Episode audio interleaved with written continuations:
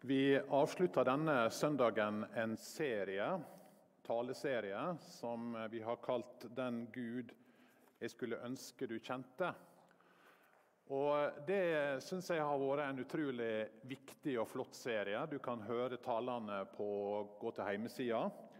Fordi det handler om å lære Gud å kjenne. Hvem er han? Og hva sier han om seg sjøl, hvem han er?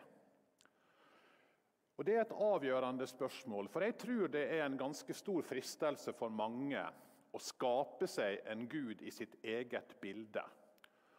En gud som passer liksom inn i den tanken jeg har om hvordan en gud bør være. Gjerne miljøvennlig, snill, omsorgsfull, demokratisk. Stemmer helst mitt parti, selvfølgelig, osv. En Gud som ikke støter noen. En Gud som stort sett er enig med meg og det jeg står for. Det er en som heter Svein Anton Hansen, som sa det slik. Vi i vår del av verden kan lett lage oss en kosebamsegud som egentlig bare er en litt oppgradert versjon av et godt menneske. En litt oppgradert versjon av et godt menneske. Men vi må jo forholde oss til den Gud som virkelig fins. Og den sanne og reelle Gud. For hvis Gud fins, så har jo han all autoritet. Da kan ikke vi si jeg vil ha en Gud som er sånn, eller en Gud som er sånn. Jesus, han som sjøl sa han var Gud, han sa til disiplene sine, 'Meg er gitt all makt i himmelen og på jorden'. Jesus sier, 'Som Gud så har jeg all autoritet'. Som Gud så er jeg den uendelige, evige Gud. Og Det å skape en Gud i sitt eget bilde, ja, det er selve grunnsynda for oss mennesker. Slik som vi leste om de første menneskene. Som ville være Gud sjøl. Og Jesus han sier nei, der er bare én Gud, og det er ikke du, og det er ikke meg. Der er én Gud, han som er skaperen av alle ting og opprettholderen av alle ting. Og Hvis denne Gud er uendelig, evig, allmektig, ja, så er vi jo avhengig av at han åpenbærer for oss hvem han er. Skal vi lære Gud å kjenne, så kan vi selvfølgelig gjøre oss våre tanker. Men det eneste måten vi virkelig kan lære Gud å kjenne på, det måtte være hvis Gud sjøl forteller oss hvem han er. Og Når vi leser i Det gamle testamentet og i Det nye testamentet, så ser vi at Gud stadig vekk åpenbærer for oss hvem han er. Han sier at han er evig, at han er konge, at han er allmektig, at han er fred, han er rettferdighet, han er hyrde, han er seiersbannere, han er nidkjær. Han er venn, han er herskarenes Gud. Og Når vi leser i Bibelen, så skjønner vi at vi trenger hele dette bildet av Gud. Ikke bare plukke ut de egenskapene eller de tingene ved Gud som vi syns passer? Nei. Skal vi forholde oss til Gud, så må vi forholde oss til den Gud som virkelig er. Så hvorfor skal vi være opptatt med Guds egenskaper? Er det bare en slags eh, måte å ja, gjøre noe spennende på og oppdage hvem han er? Nei, det er langt mer enn det. Det handler om at det å kjenne Gud er begynnelsen til visdom. Det vil forandre våre liv, og det vil gi oss en plattform til å takle livet med. Og Jeg håper denne preika vil vise deg det. For Jeg skal avslutte denne serien, eh, som jo gjerne kunne vært mye lenger enn det den har vært, med å snakke om Gud som er hellig. Nå tror jeg at ordet 'hellig' ikke er spesielt sånn ja, tiltrekkende for mange mennesker. Når jeg ble mobba fordi jeg var en kristen i ungdomsåra, ja, så var jo et av de tingene de slengte etter meg, at 'du tror du er så hellig', du. Og Det hjalp jo ikke selvfølgelig at navnet mitt, eh, som er Helge, kommer nettopp av hellig. Det visste jo ikke de, da, men eh, det hjalp jo selvsagt ikke. Men også i tanken om en hellig Gud er for mange litt sånn uvant, fjernt, kanskje litt gammeldags. Men når vi ser mennesker møte den virkelige Gud, så ser vi at de møter den hellige Gud. Anita leste teksten fra Jesaja 6, en tekst om et møte mellom Jesaja og Gud. I det året da kong Usia døde, så jeg Herren sitte på en høy og opphøyd trone, og kanten på kappen hans fylte tempelet. Serafer sto overfor ham. Hver av dem hadde seks vinger, med to dekket i ansiktet, med to dekket i føttene og med to fløy de.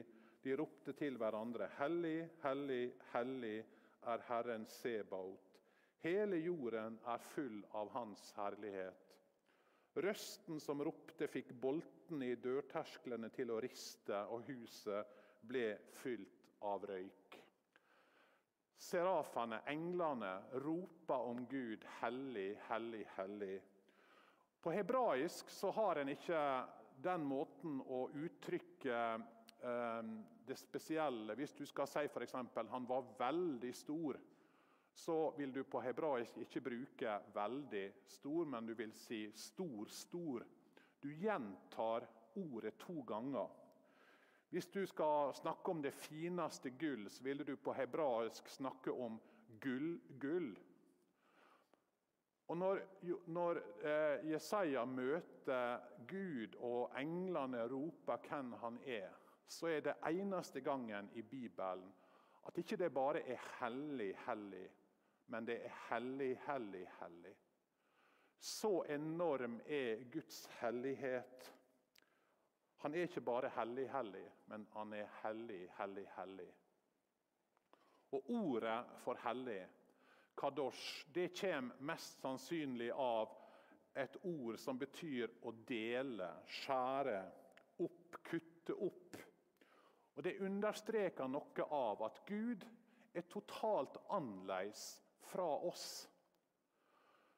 Gud er Gud som er helt annerledes og utafor alle våre begrep og skala som vi bruker.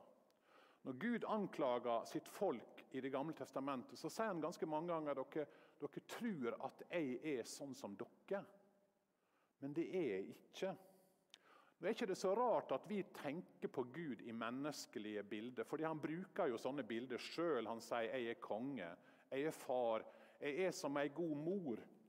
Problemet blir hvis vi tenker OK, Gud er far, ja vel.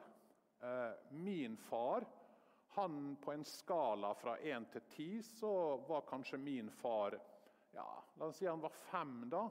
Han var jo bra, men han var jo ikke perfekt. Men Gud er da ti. Men det er der vi får problem. Det vi trenger å forstå, det er at Gud er totalt utafor skalaen. Han er bak den skalaen som vi bruker. Gud er så totalt avkutta ifra oss at vi ikke kan bruke disse skalaene som vi bruker. Han er en gud som er annerledes, som ikke du kan argumentere mot. C.S. Lewis, han, eh, forfatteren og tenkeren, han har skrevet mye om dette. her. For Han var opptatt av at folk gjorde seg sine tanker om Gud ut fra hvordan de sjøl tenkte at Gud burde være. Og I et av hans mest berømte sitat der snakker han i en, i en serie med artikler som heter 'God in the Dock', Gud på tiltalebenken så sier han dette her. Tidligere nærmet mennesket seg Gud slik en tiltalt nærmer seg dommeren sin. For det moderne mennesket er rollene ganske omvendt. Han er dommeren, Gud er på tiltalebenken. Han, altså mennesket, er en ganske vennlig dommer Så hvis Gud skulle ha et rimelig forsvar for å tillate krig, fattigdom og sykdom, er han åpen for å lytte til det. Rettssaken kan til og med ende med Guds frifinnelse. Men det viktigste er at mennesket er på dommersetet og Gud på tiltalebenken. Vi lever i en kultur som sier vi, vi vil ha en Gud som passer inn i vår måte å tenke på. En Gud som er hellig. En Gud som kommer i torden og lyn. Det er en Gud som mennesket i dag ikke syns vi skal ha. En Gud som ikke tolererer vondskap og urettferdighet. En Gud som er ren og hellig. Ja, er ikke det både primitivt og umoderne? Men det går en rød tråd gjennom hele Bibelen, der Gud sier 'Jeg er hellig'. Jeg er totalt annerledes. Jeg er totalt ren. Ellers ville han jo ikke være Gud. Jesus lærte oss å be denne bønna som vi nettopp ba, vår Far i himmelen. Og Der ber vi La ditt navn holdes hellig. Betyr det at vi kan skape Guds hellighet? Nei. Luther han sier det sånn Guds navn er hellig, og vi ber her at det må bli stort og hellig blant oss. Gud er hellig. Og Det vi ber om i Fader vår, det er at vi må forstå det. Og anerkjenne det og prise Han for at Han faktisk er hellig. Nå er det jo slik at dette med Guds hellighet er uvant, kanskje fremmed, kanskje skremmende. Et møte med den hellige Gud vet ikke om dere husker fortellinga da Jesus stilte stormen på Genesaretsjøen. Dere husker sikkert det fra søndagsskolen eller andre ganger dere har lest det. Det er jo en kjent fortelling om hvordan de skulle over Genesaretsjøen. Jesus lå og sov, og så blåste det opp til en storm. Og Disse disiplene, som jo var vant til å være ute på denne sjøen Det var jo der de hadde yrket sitt, de var fiskere de ble redde. Så de vekker Jesus, og så sier de vi går under. Ser ikke du at vi går under? Kan ikke du hjelpe oss? Og Så truer Jesus stormen, slik at Genesaretsjøen blir stille. Og Da skulle en jo tro at ok, faren over. Fred og ro. Nå kan vi legge oss og sove, alle mann, for nå er det stilt. Men hva står det i teksten etterpå? De ble grepet av stor frykt og sa til hverandre, 'Hvem er han?' Både vind og sjø adlyder han. Etter at stormen var stilna, så står det at de ble grepet av stor frykt. Det var slik at Før var de redde, men det var altså ikke så skremmende med stormen som det var med Han som kunne stille han. Hvem er Han? Som er herre over naturen, herre over stormen og vinden og bølgene. Et møte med den virkelige Gud. Og Det ser vi, det er et dramatisk møte når vi ser i det som skjer med Jesaja. Dørtersklene de rister, huset blir fullt av røyk. Å møte den virkelige Gud, å møte Guds hellighet Det er ikke et sånt møte du går liksom fra og så sier ja, men det var jo hyggelig. Hmm, Snakka med Gud i dag, liksom. Så flott. Nei, et møte med Gud er et møte som både er fantastisk, men som også er urovekkende, slik som det var for Jesaja for hva var hans reaksjon i møte med den hellige Gud? Det var dette ved meg. Ved meg, det er ute med meg. Jeg er en mann med urene lepper. Jeg bor blant et folk med urene lepper, og mine øyne har sett kongen. Et møte med den hellige Gud det viser oss hvem Gud er, ja. Men det viser oss også hvem vi er Og så viser det oss avstanden mellom den hellige Gud og deg og meg. Og Det å se sant på seg sjøl Hvem er jeg egentlig? Ja, Det er avgjørende. Så Hvorfor snakker Jesaja om dette med leppene sine? Hadde han sagt mye stygt? Hadde han banna? Er det det han snakker om? Nei, jeg tror det er noe annet som ligger bak. Hva slags yrke hadde Jesaja? Jo, han var profet. Og det var han jo før dette møtet. Vi leser i de første kapitlene om hvordan han profeterte mens Usia enda levde og var konge. Så leppene til Jesaja det var arbeidsredskapet til Jesaja. Det var det han var stolt av. Han var en flink profet. Han kunne komme med ord fra Gud. Han brukte leppene sine, og det var han god til. På samme måten som fingrene er stoltheten til en pianist, så var leppene stoltheten til profeten. Så et møte med den hellige Gud det fører ikke bare til at Jesaja ser alt det gale han har gjort, alt som er litt sånn ureint og skittent, men det fører også til at han ser sin egen stolthet han bekjenner ikke bare sine synder over det som er ureint og galt og feil, men han bekjenner også å omvende seg fra det som er hans stolthet og hans styrke, hans flinkhet. I denne serien så snakka eh, Lise her for noen uker siden om den Gud som tar imot oss. Og Da brukte hun en fortelling fra Lukas 15 som har som overskrift 'Den bortkomne sønn'.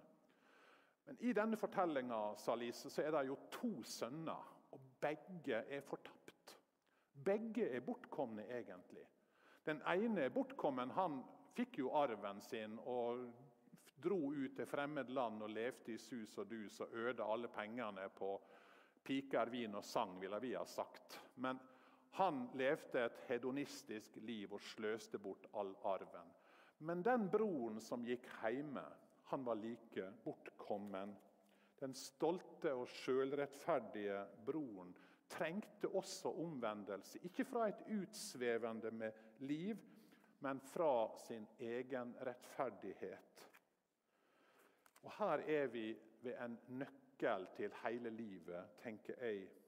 Guds hellighet viser deg ikke bare din synd, men den viser deg også din sjølrettferdighet. Det som du tror du har å kunne vise fram for Gud, for å få eh, gunst fra Han, eller for at Han skal slakte gjøkalven for deg. Er jo ikke så verst. Er jo ikke verre enn andre. Ja, jeg er antagelig bedre enn både han og hun. Eller Gud, jeg har jo vært prest i 35 år. Du skylder jo meg nesten å slakte gjøkalven da. Alle de tinga jeg og du tror gjør oss gode. Guds hellighet setter oss fri. For den viser meg at jeg har ingenting. Jeg har bare tomme hender å komme til Gud med. Og dette ingenting det er det eneste jeg kan gi til Gud for at Han skal kunne gi meg alt sitt. All sin nåde og all sin frelse. Guds hellighet avslørte Jesaja, avslørte hans flinkhet. Og den traff meg fordi jeg preika jo også sånn som Jesaja gjorde. Og Kanskje dere tenker at ja, Helge han preker jo fordi han, han, vil ære Gud, og han vil at dere skal eh, komme til tru og lære mer om Gud. Ja, selvsagt gjør jeg det. Men også miksa inn i alt dette er jo også ønsket om anerkjennelse. Ønsket om å bli rost. Ønsket om å få høre 'Oi, så flott tale du hadde i dag'. Vi mennesker er så miksa mine, våre motiv er så blanda at også det gode er fullt av egenkjærlighet og egoisme. Og Guds hellighet avslører ikke bare det heslige som jeg har gjort, men det avslører også min stolthet og min fromhet. Alt som jeg tenker dette må jo Gud være fornøyd med. Og så hjelper Guds hellighet oss til å se, sånn som Jesaja gjorde. Jeg trenger Guds nåde. Jeg trenger Guds nåde, ikke bare for mine heslige synder, men også for det jeg er stolt av og flink til. Og Bare Guds hellighet kan bringe meg ut av min egen rettferdighet, slik at jeg kan vende meg til Gud og be om nåde. Og Så skjer det noe merkelig i denne teksten. Når Jesaja føler det er ute med meg, så ser han en engel fly bort til alteret, ta ild fra alteret og fly imot han. Og Hva tenker Jesaja da? Jo, alle plasser i Bibelen når det er snakk om ild, så er det snakk om Guds dom.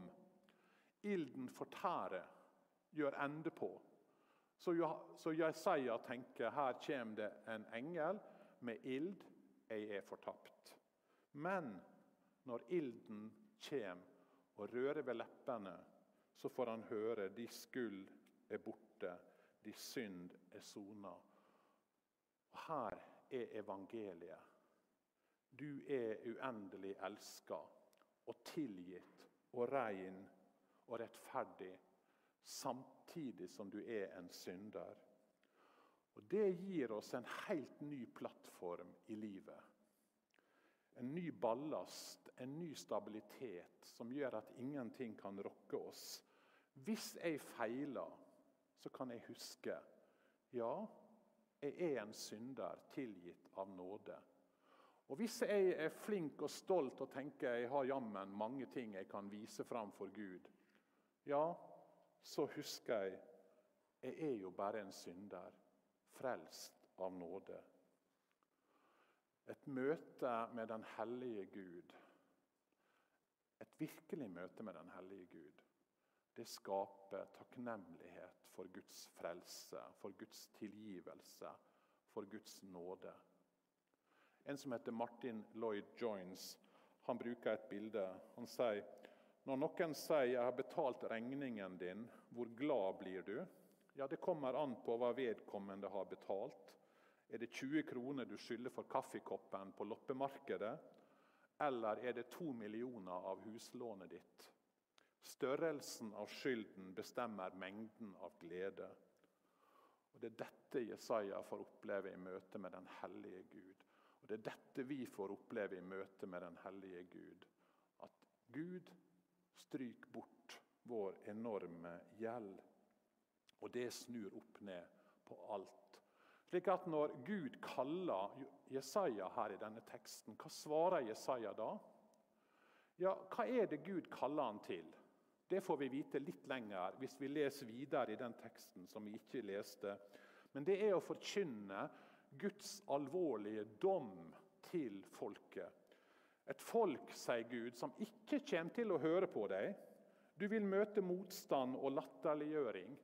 Karrieren din vil være over. Du vil bli hetsa og knust, og livet ditt vil være i fare. Og du vil bli upopulær og forakta, og det vil du være i 30 år. Vil du gå, Jesaja, sier Gud. Og Jesaja sier ja, det kan jeg. Send meg. Her er jeg. Han er ikke redd for noe.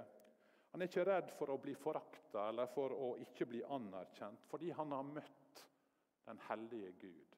Han som har reist han opp og gitt han en ny plattform for livet sitt. En ny trygghet. Det var det møtet med den hellige gjorde for Jesaja. Fordi et møte med den virkelige Gud, den hellige Gud, ja, det gir mot når du møter motstand. Hvis denne Gud er for meg, hvem kan da være imot meg? Det gir fred når du møter uro og frykt. For hvis denne Gud er med meg, hvem kan da skade meg?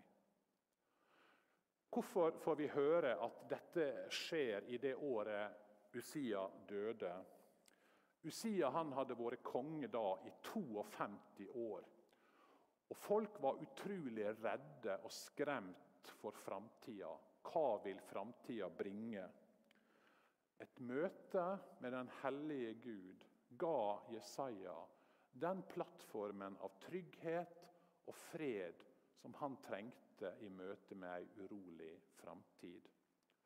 Og så lever vi i ei tid der også mange er urolige. Der vi tenker hva vil framtida bringe? Hva vil skje framover? Og hva er det slags hjelp vi får fra sjølhjelpsbøker og fra media? Jo, kanskje at vi må si til oss sjøl at dette går bra. At vi må henge opp eh, plakater, at alt blir bra igjen. Se for deg ei lys og god framtid. Hjelp alt dette? Ja, litt. Men det er jo ikke et fundament å bygge livet sitt på. Og vi har et annet svar. Og det er der er en hellig, allmektig Gud som elsker deg, og som vil deg vel. Det gir en annen plattform i livet ditt. Hvis han er min herre, og hvis han er min konge, ja, så forandrer det alt. Hvem kan da skade meg? Men hvordan vet vi at han elsker oss og bryr seg om oss? Mange hundre år etter Jesaja så leser vi om hvordan tempelet ble skaka. Det var et jordskjelv fordi Gud kom ned, og forhenget til tempelet revna da Jesus døde. Vi leser om det at fra den sjette til den niende time så var det et mørke over hele landet. Og Ved den niende time ropte Jesus med høy røst, Eli, Eli, lama sabachthani. Det betyr, min Gud, min Gud, hvorfor har du forlatt meg? Og Så dør Jesus og ropte igjen med høy røst og oppga ånden. Da revnet forhenget i tempelet i to, fra øverst til nederst. Jorden skalv. Klippene slo sprekker. Hva er det som skjer på langfredag når tempelet skjelver? Forhenget revner.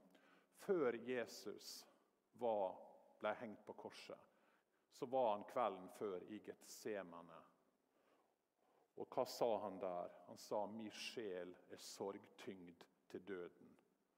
Han sa egentlig 'ved meg, jeg er fortapt'. Og det kom ingen engel, for Jesus var offeret på ilden på alteret. Jesus ble skaka for at vi skulle slippe å bli det, så vår synd kan bli tilgitt, og vår skyld kan bli sona. Jesus ble skaka, sånn at vi kan være uskakelige her sammen med han. Jesaja 57, et fantastisk vers i Bibelen, som forteller oss noe om denne hellige Gud. Så sier Han som er høy og opphøyd, Han som troner evig. Den hellige er Hans navn. I det høye og hellige bor jeg og hos den som er knust og nedbøyd i ånden. Jeg vil gi ånden liv hos dem som er bøyd ned, og gi hjertet liv hos dem som er knust. Det er denne Gud vi ønsker at du skal bli kjent med.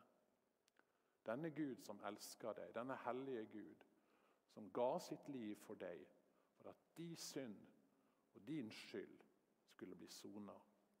Og at du skal få ha Han i ditt liv. Jeg vil gi ånden liv hos dem som er bøyd ned, og hjertet liv hos den som er knust. La oss be. Ja, himmelske Far, jeg takker deg for at du er en hellig Gud. Men du er også en Gud som bor hos den som er nedbøyd og knust. Og du vil gjøre hjertet Gi liv til hjertet hos de som er knust. Det er oss, Gud. Vi trenger deg. Vi trenger din nåde, tilgivelse, din frelse. Ikke bare fra det heslige vi har gjort i livet, men fra alt som vi tror vi skal kunne ha vise til og komme fram for deg med. Takk for at vi får bli kjent med deg og høre deg til. At du vil være vår konge og vår Herre og vår frelser. Amen.